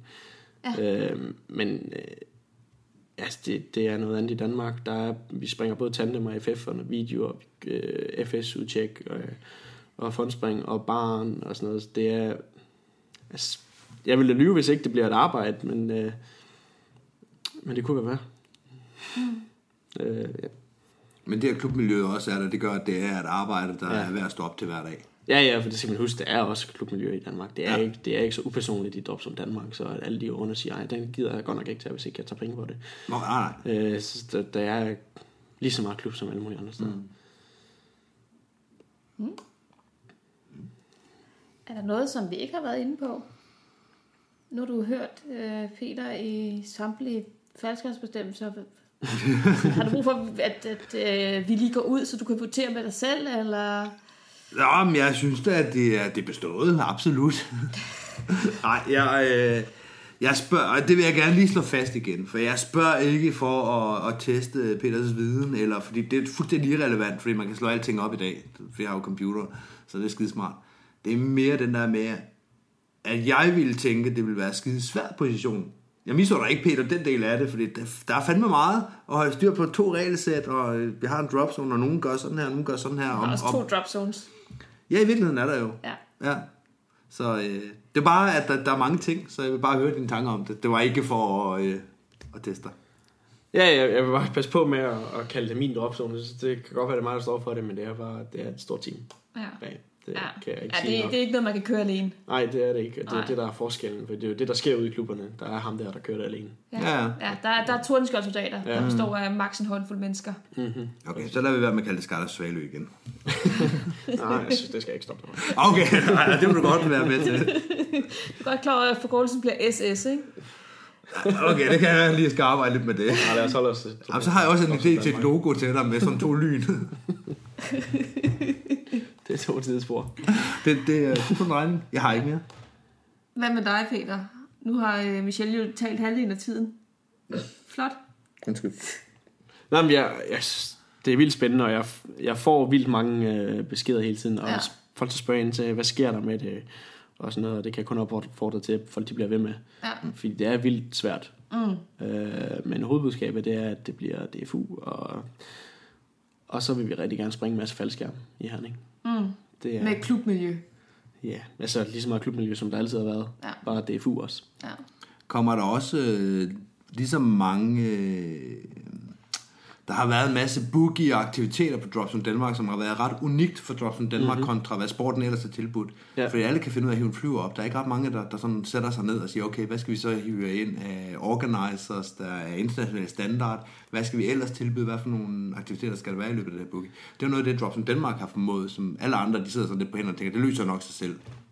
Ja, og, det, og vi vil fortsætte med at holde alle de arrangementer. Altså, kalenderen allerede nu består af Halo spring hver måned, og natspring et par gange om året, og vi er ved at lave forskellige samarbejdsaftaler med organizer også. Der kommer, der kommer til at ske ting og sager på Dropzone Danmark, det, Okay. okay. og det vil der fortsætte med.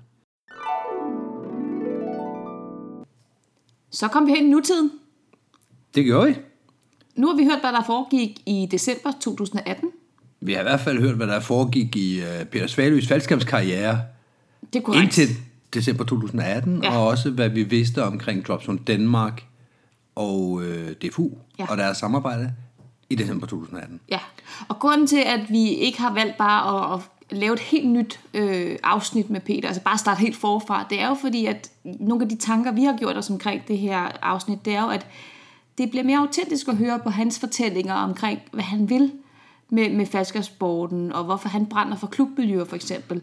Og det bliver bare ikke det samme at, at lave et kunstigt interview, hvor man siger, prøv lige at fortælle lidt omkring det her med, mm. med hvorfor du brænder for sporten. Og det, det synes vi simpelthen bare er en vigtig vinkel at have med.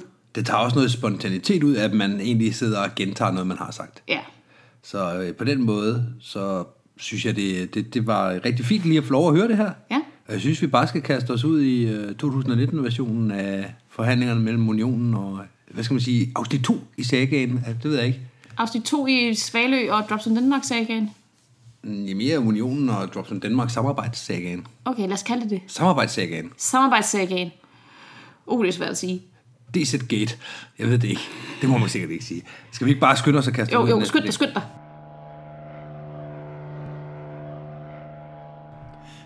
Hej Peter. Hej hej. Velkommen til Skyhugt. Jo, tak. Og velkommen tilbage. Ja, endnu mere tak. Hvorfor siger vi velkommen tilbage? Du har været, øh, vi har optaget sammen med dig for to måneder siden.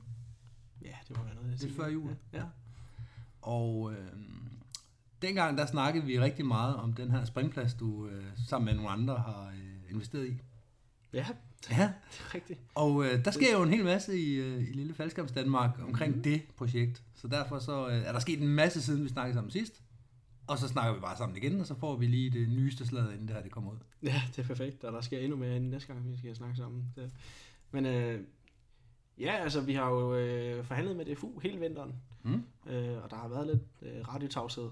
Øh, men det er kun fordi, at øh, det bliver en pissegod samtale, og at der bliver en samtale. Hvornår sker der noget? For hvornår hører herre og fru Danmarks faldskærmspringer om, at der sker noget? Ja, altså jeg har gjort det sidste, jeg kan gøre nu. Ja. Jeg har haft de sidste møder med, med, med bestyrelsen og med, med instruktørudvalget, øh, så nu skal de lige have skrevet det hele helt rent, og så kommer der nok et eller andet uddrag op øh, officielt, og så den 16. marts skal vi selvfølgelig stemme om det til repræsentantskabsmødet.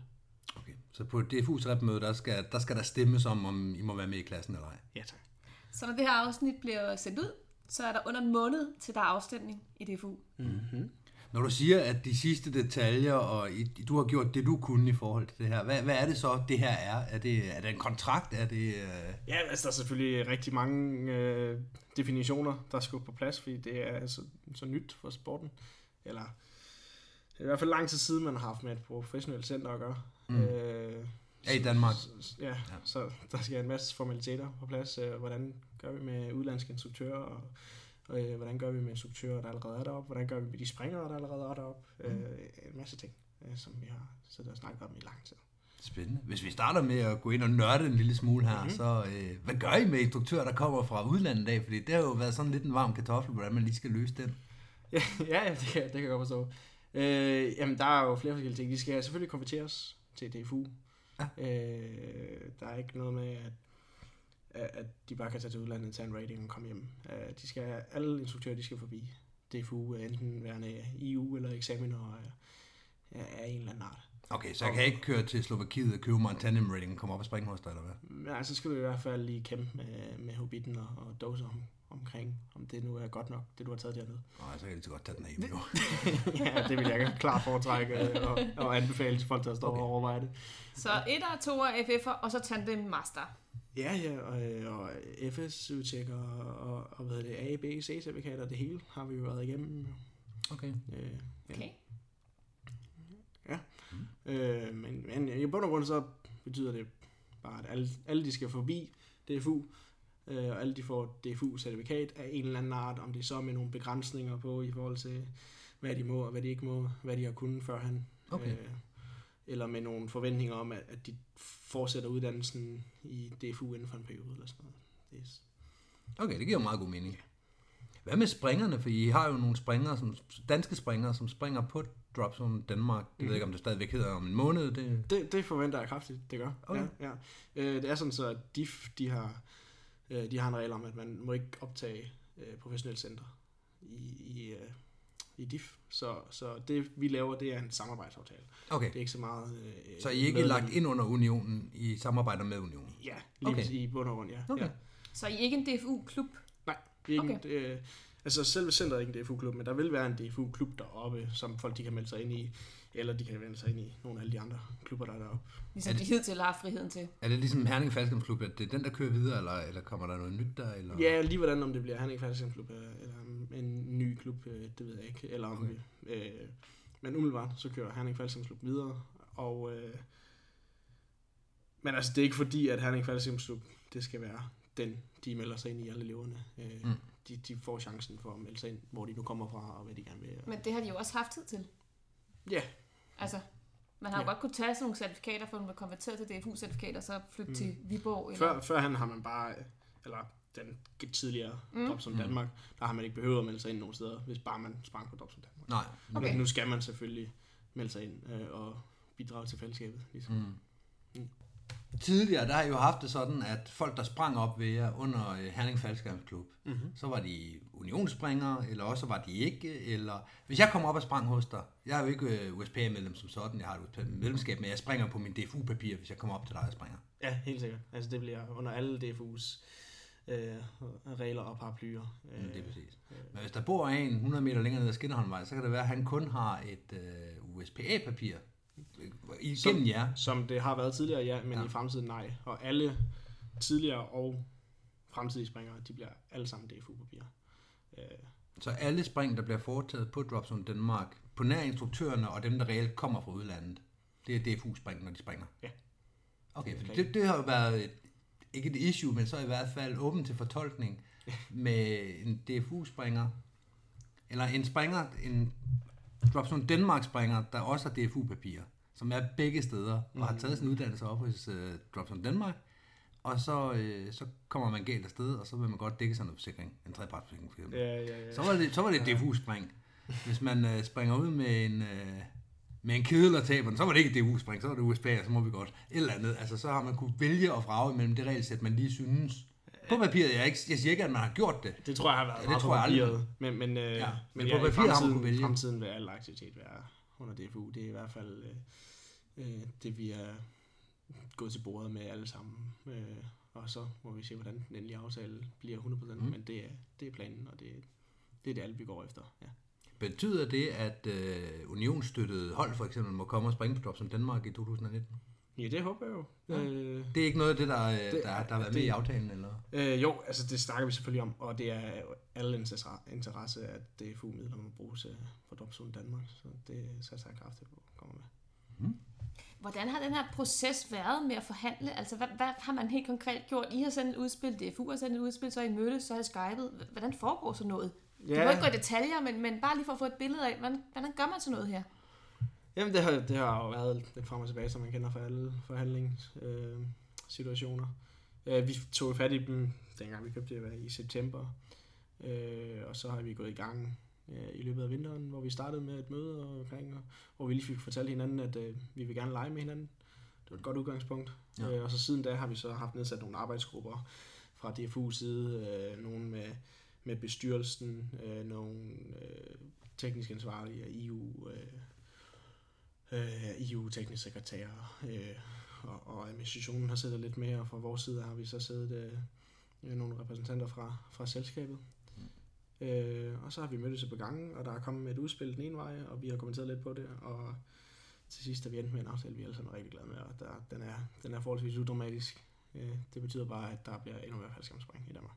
Dejligt. Ja. Hvad er det, der har ændret sig? Drop som Danmark har ligget der i hvad, fem, år, sådan noget den stil, rundtal. Den har ligget der et stykke tid efterhånden, mm. og der har hele tiden været den her, vi vil gerne samarbejde, og det har man hørt begge sider sige, og så er det sådan, jamen, så går det hårdkludet. Hvad, hvad er det, der har ændret sig? Hvad er det, der er sket nu, fra, fra dengang til nu, som gør, at nu kan der komme, øh, så, så selvfølgelig nogle andre, der skal køre pladsen, det er jeg med på, men der må være et eller andet, der har ændret sig i forhold til den Ja, altså jeg tror, et et par friske øjne øh, kan forklare meget af det. Altså, Okay. Der er kommet nye parter til, både fra DFU's side og fra vores side, mm. og så har vi ligesom givet den gas igen. Okay. Jeg, jeg tror, dengang de startede, de, de, de døde jo i, i uh, forsøget på at lave en, en aftale allerede første år, de startede dropzonen, og der, var der tror jeg, de var ret langt fra hinanden. Okay. Øh, men nu har tror, vi har bevist nu, at, at det kan lade sig gøre med professionelle center, og det har åbnet op for mange ting. Okay, så det er ikke fordi, der er bare ved et trylleslag sket noget, det er mere en rejse, at, folk, at, at de to parter har mødtes, kommet tættere og tættere på Ja, det, det synes jeg helt sikkert. Øh, og, og ja. Øh, ja, jeg tror, vi har lært rigtig meget af, af de tre år, der har været både den ene og den anden part. Mm. Mm. Øh, alle, ja, men det bliver sådan, så at vi, øh, vi kommer til at bidrage på samme måde som alle andre. Og det tror jeg har været den store øh, forskel i selve aftalen fra, da de prøvede tidligere, til vi prøver nu. Okay. Hvordan med, øh, man har jo tidligere haft en meget, meget aggressiv øh, markedsføring fra Dropzone Danmarks side, kontra hvad klubberne har gjort, fordi klubberne egentlig bare har øh, smidt nogle AdWords op, og så har siddet og ventet på, at telefonen skulle ringe, til at Dropzone Danmark har gjort rigtig meget, blandt andet på internettet, på Facebook og så videre, for at, at skubbe ud med billeder og historier og så videre. Hvordan, altså, har I ændret noget i, hvordan I markedsfører, eller vil I ændre noget i, hvordan I markedsfører? nat- naturligvis. Altså, der er jo der er ikke nogen tvivl om, at der er et stort tillidsgab øh, mellem DFU og Dropzone Danmark, og fordi man har øh, man har været kold og kynisk og professionel, altså Mm. drevet en forretning. Kørt den forretning, ja. øh, og, og det hører vi selvfølgelig. Øh, et, for et del, en del af den her forretnings... Øh, nej. En del af den her øh, forhandlings... Øh, Samarbejdsaftalen, ja, ja, der har jo Flemming og DFU, de har sat sig ned med alle klubberne og sagt, hvad, Mm. hvad skal der til, hvad vil I gerne have set fra Adoption Danmark, og det har vi prøvet at imødekomme. Primært de klubber, der bor i nærheden. Ja, ja, og det er jo især på marketing. Altså, Ja. der er, der er det er ikke nogen hemmelighed, at, at klubberne de er rigtig glade for deres militære øh, hold, og selvfølgelig at det er jo det, de, det er deres økonomigrundlag. Mm. Øh, og, og, og vi er her ikke for at lukke nogle klubber, tværtimod. Øh, så hvis de vil have, at vi holder os for det, så holder vi os for det. Okay. Øh, og omkring marketing, så vi, vi har selvfølgelig øh, fortsat et stort marketingsbudget, som vi altid har haft, og det er jo det, de har gjort rigtig godt på Dropson Danmark tidligere også. Og det vil vi fortsat have. Og vi vil fortsat være aggressive, men det, det er alt sammen for at hjælpe faldskærmsporten, og det er ikke aggressivitet mod klubber eller noget. Jeg kan kun, kun opfordre til, at hvis folk de oplever det på den måde, så skal de tage fat i mig, Okay. okay. eller tage fat i os, øh, og sige, øh, hov, nu synes jeg, du tror, der var en grænse, mm. øh, og så stopper vi det. Altså, vi er her for at blive venner med alle sammen. Men som jeg hører det, så, så er I jo gået på kompromis med ret mange ting nu her, og det er blevet nødt til for at få den her samarbejdsaftale i hus. Men kan I så stadig overleve som business? det satser jeg kraftigt på. Altså kompromiser på mange ting. Altså, de, hvad hedder det, det har været nødvendige ting. Mm. Øh, det er ikke uretfærdigt. Øh, Unionen er vel også gået på kompromis med nogle af deres oprindelige krav til ja, her. præcis. Altså, det har, vi har jo netop fået... Altså, der er mange ting, der er blevet mulige ja. nu her, synes jeg. Øh, det har været super produktivt. Øh, hvordan det løber rundt. Altså, det, jeg tror, hvis jeg var hvis jeg var rigtig god forretningsmand, så havde jeg nok valgt en anden branche at, at gå ind i umiddelbart. Øh, Mm. men, men det løber rundt, øh, som det ser ud. Det løber endnu mere rundt om et par år, når DFU har fået øjnene op for det, og, og vi får, får øh, mere aktiviteter og flere springere. Ja. Så der er planer om at udvide samarbejde på sigt? Altså udover det, som der forhåbentlig bliver vedtaget den 16. marts? Er det sådan, man skal forstå det? At samarbejde med, med DFU, Unionen. med DFU og Drops, øh, Drops in Denmark? Øh, nej, ikke udvide, men Nej, det, nej. det er jeg ikke øh, sikker på, man kan sige. Øh, nej, altså, der, der er planer om, altså vi har, vi har store ambitioner i, øh, på dropzonen, og vi vil gerne have mange flere springere, og ligesom DFU gerne vil have mange flere springere.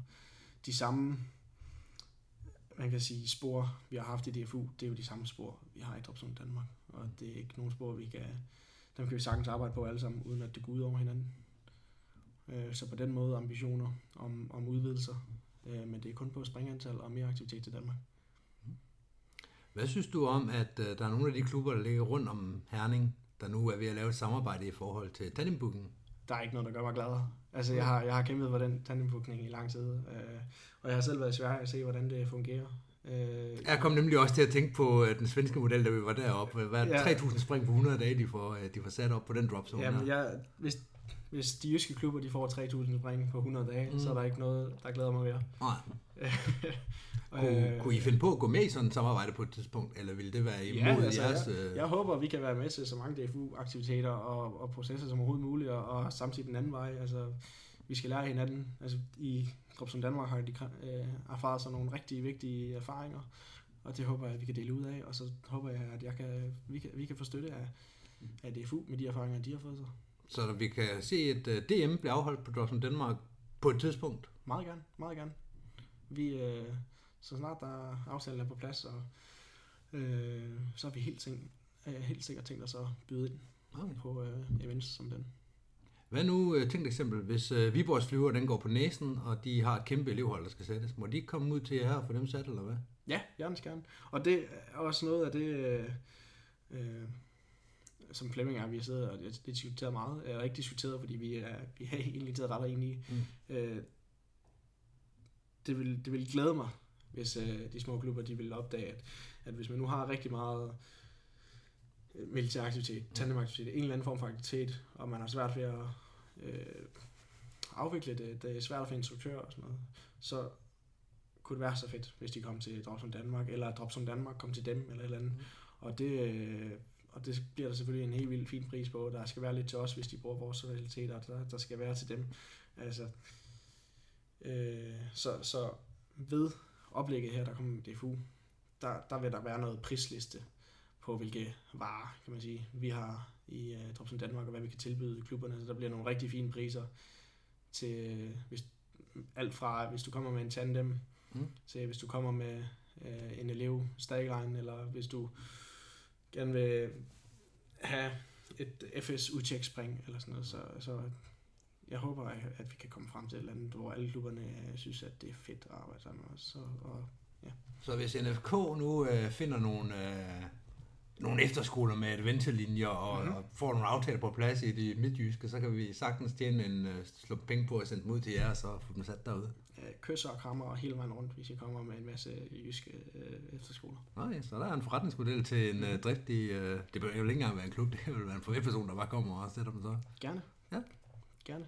Det gavner os alle sammen, det er jeg sikker på. Uden at gå i detaljer med den her øh, kontrakt eller, øh, eller aftale, hvad har, hvad har været svært? Hvad har I brugt mest tid på at, at, at snakke om og blive enige om? Og finde de helt rigtige rammer for? Nej, altså det, det at blive enige, synes jeg ikke har været svært i virkeligheden. Øh, vi alle sammen har haft et eller andet grundstandpunkt, der hedder, at det skal kunne lade sig gøre det hele.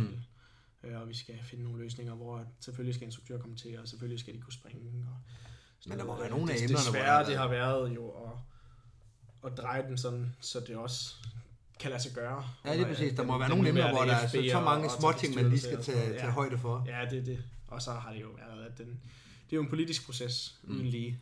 Den skal igennem mange personer, øh, både hos vores side og hos deres side, som alle sammen skal godkende, og har lige det her, der skal omformuleres. Øh, så det er det, der har taget lang tid.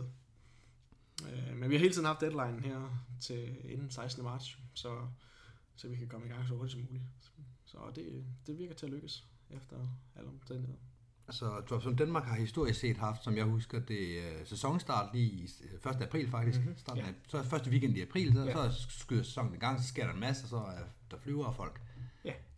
Når sæsonen 2019 den starter, så bliver det som en samarbejdsaftale på plads med unionen, så frem den bliver stemt ind til repmødet. Det er planen, ja.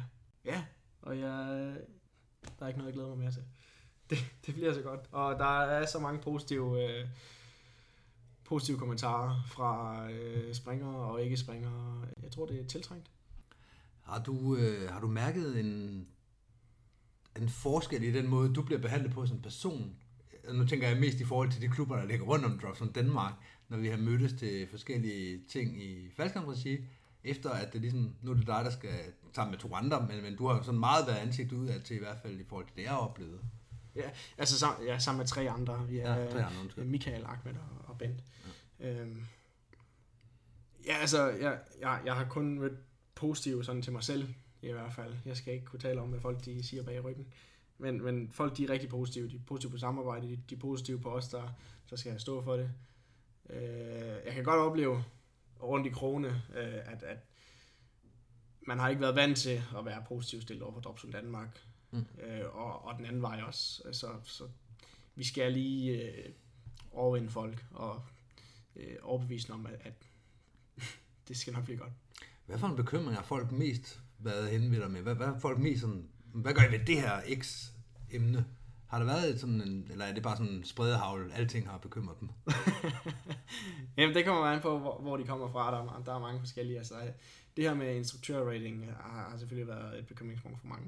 Ah. At der er ikke nogen, der er interesseret i, at man bare kan tage til USA og købe sig til en, en rating og komme til Danmark og så virke på samme vilkår som alle andre.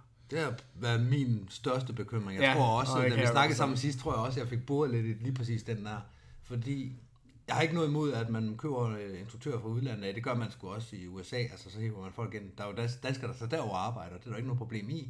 Men hvis vi åbner for det den anden vej rundt, hvis man ikke gør det rigtigt, det lyder til, at I har øh, løst den rigtig, rigtig øh, elegant nu, men hvis man ikke gør det rigtigt, så åbner man bare for, at jeg kan tage til Slovakiet og købe mig en tandem rating. Mm, og det vil bekymre mig. Ja, og det kan jeg godt forstå, og og det er jo øh, det er ikke unormalt. Mm. Øhm, men, men altså det vi så får ud af det her nu, med, øh, med muligheden for at tage instruktør ind, altså det er jo ikke anderledes, end hvad man gør i USA. Du siger godt nok, alle kan tage til USA og få arbejde, men det er ikke helt rigtigt. Når man kommer til USA, så skal man også igennem en, en sikkerhedsprotokol og nogle mm. test og, og, Og en konvertering. konvertering på en eller anden vis, ja. ligesom at vi nu skal have mulighed for i Danmark. Selvfølgelig. Ej, det var ikke for at sige, at jeg bare kunne tage det over og så sige, at jeg er rigtig god til det hjemme på pladsen. Må jeg ikke godt komme og være jeres øh, Ja, etter? jamen det, er, det er Danmark, der endelig er kommet efter den, og, og, og er med resten af verden omkring samarbejder. Øh, Så ja, jeg, jeg, jeg, jeg glæder mig til, at, at vi kan lære rigtig meget af udlændingene. Øh, Jeg, jeg tror, det kan godt være, at det er er lidt naiv øh, og, og selvfed. Jeg siger, at alle dem, der har været i udlandet, øh, dem har vi lært rigtig meget af, mm. når de kommer hjem. Jeg tror, jeg tror de bidrager meget til sporten. Øh, Og på samme måde vil, vil rigtig erfarne instruktører fra udlandet jo bidrage med, øh, når de kommer. Øh, og vi kan bidrage dem. sådan skulle det gerne være. Tænker, det er jo ikke meget anderledes, end når Michelle og jeg sidder og taler i her, netop i Skyhooked om, at det er så vigtigt at komme rundt omkring i danske klubber. Ja, for det, At det er jo så bare lige at åbne øjnene endnu mere op og kigge sig ud omkring i verden. Ja. For det lærer man bare af. Ja, jeg, jeg er meget enig, og jeg vil... Når nu vi får en aftale, så betyder det, at jeg kan sende drop som Danmark springer ud i Danmark også. Det har jo ikke førhen været muligt. Øh, så det er så fedt. Der er ikke nogen, der skal holde sig til drop som Danmark, eller til, til Odense, eller til nogen andre klubber. De skal bare ud omkring. Det, det, det er det, der er fedt ved sporten. Og sundest for sporten. Sundhed for sporten, helt sikkert. Hvad er din største bekymring i forhold til at... Efter 1. april, nu er I i gang, mm-hmm. springpladsen den sommer, og der skal en masse. Hvad, hvad det, der giver dig mest kriller i maven, det, sådan, det skal lykkes? Har du noget der? Ja, men altså... Det hele, det hele okay. giver mig grille i maven. Altså, det er jo et kæmpe projekt. Og der, er- der er meget på spil, og, og jeg personligt får, får rigtig meget at se til. Øhm, men nu har, jeg, nu har vi heldigvis sat et rigtig godt team deroppe, både med, med gamle og, og nye, øh, nye ansigter.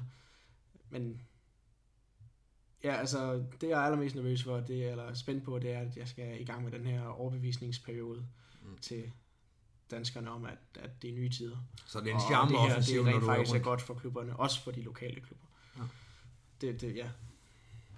Jeg håber ikke, der er nogen, der ser mig som ond forretningsmand. Jeg kan sige til dem, øh, nu er det jo desværre kun lydmedie det her, at øh, Peter sidder lige nu i en forvasket øh, rikkerloftet t-shirt og en omvendt kasket. Han ligner ikke just en klassisk øh, businessman.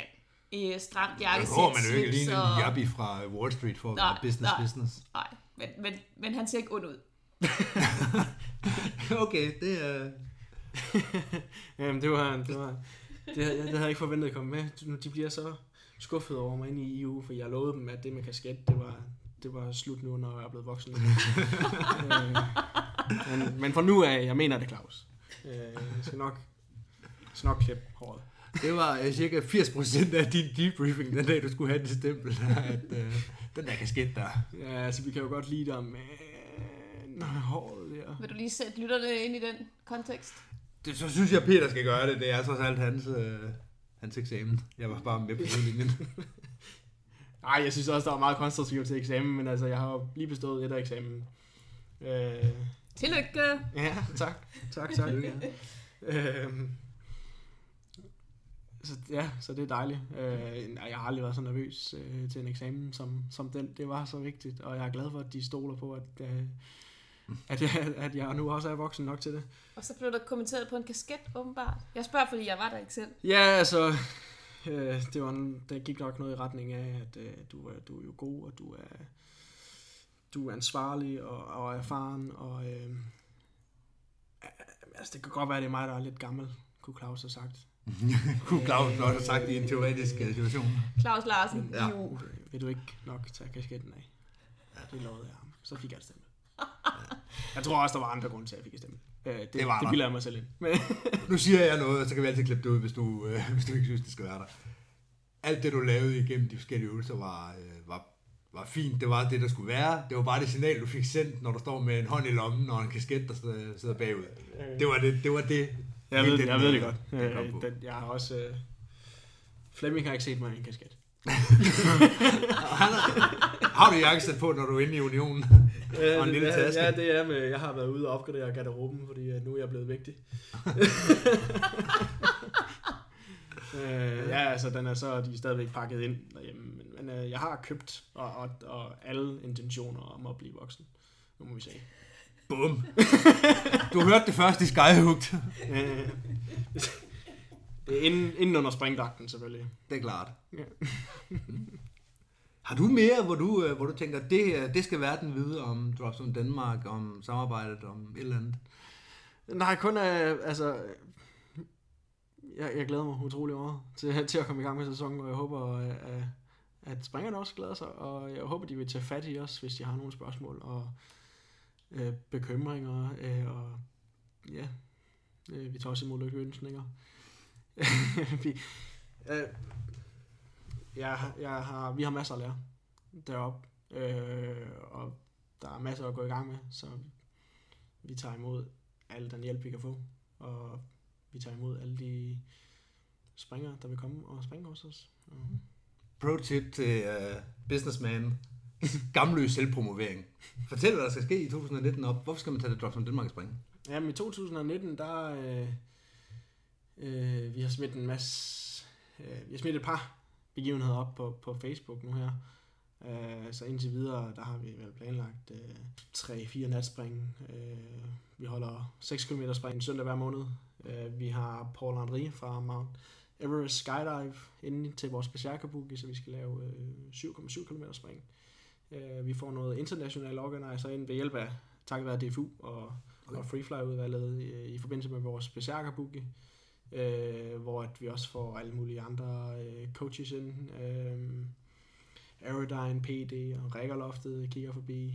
Øh, og så, er der, så har vi tre skærmflyvningskurser øh, indtil videre. Øh, noget, noget CP-træning, naturligvis. Øh, masser af fester. Fedt. Det der med at hive organiseret ind på udlandet af, det er faktisk, hvis jeg må sige noget om det gamle Drops on Danmark, det er noget af det, de har kunnet allerbedst. Ja. Det er, at de hiver ind til bare fire dage, fem dage, men at de hiver forskellige organized ind til forskellige, øh, så det ikke bare er, at nu er det free fly igen. Det er også men, det, jeg møder, når, når folk de skriver til os. Altså det, jeg, jeg tror ikke, det er løgn, at Drops from Danmark de er blevet kendt som, som det sted, hvor, at der, øh, hvor der sker exceptionelle ting. Mm. Øh, jeg har lige har lyst til at sige, hvor alt kan lade sig gøre. Men der er rigtig mange, der skriver til os, fordi de har hørt, øh, at Drops from Danmark, der laver de i 6 km spring. Og vi får rigtig mange henvendelser fra folk, der har sådan ja, meget, meget øh, specielle og interessante projekter i, i sende øh, rekorder af alle mulige arter. Og, øh, og det er fordi, de har gjort et hammer godt øh, branding arbejde, de, de tidligere øh, ejere. Det, det kan jeg kun sige tak for. Det bliver, det bliver spændende at fortsætte på den. Det er store øh, fodspor, der skal fyldes ud ja, ja, ja, de har gjort det skide godt. Det, det, det må man sige. Og, øh, man, alt hvad man har, hvad man har hørt om stedet, og jeg tror alle har haft en holdning til stedet på et eller andet tidspunkt, øh, det, øh, I, I skylder jer selv lige komme forbi og se, hvad de har bygget. For det er, det er enormt præcis, hvad vi er ude efter og hvad har behov for.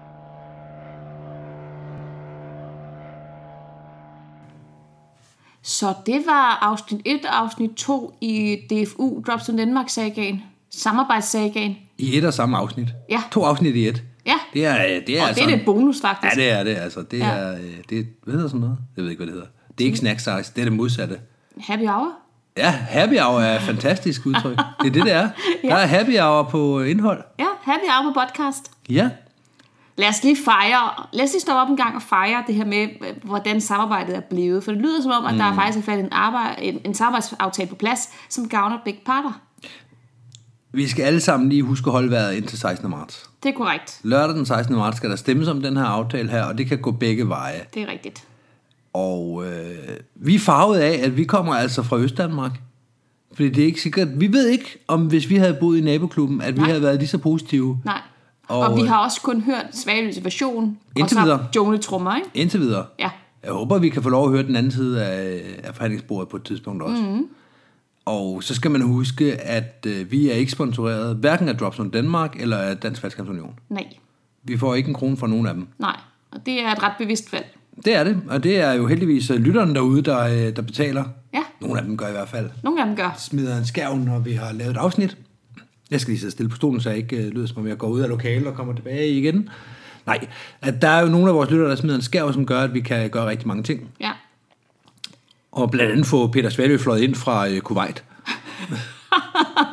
Så, så tak for det. Ja, lige præcis. Jeg vil gerne, øh, nu er det mig, der, øh, der som regel sidder og nørder rundt i øh, Logic Pro og i GarageBand og, øh, og nu så det her sammen.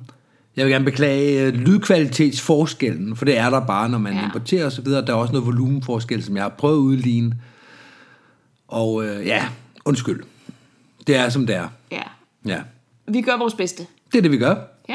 Mere kan man ikke forlange, lille Mie. vi mangler en enkelt ting. Vi mangler de vise ord. De kommer her. Vise ord fra Skyhugt.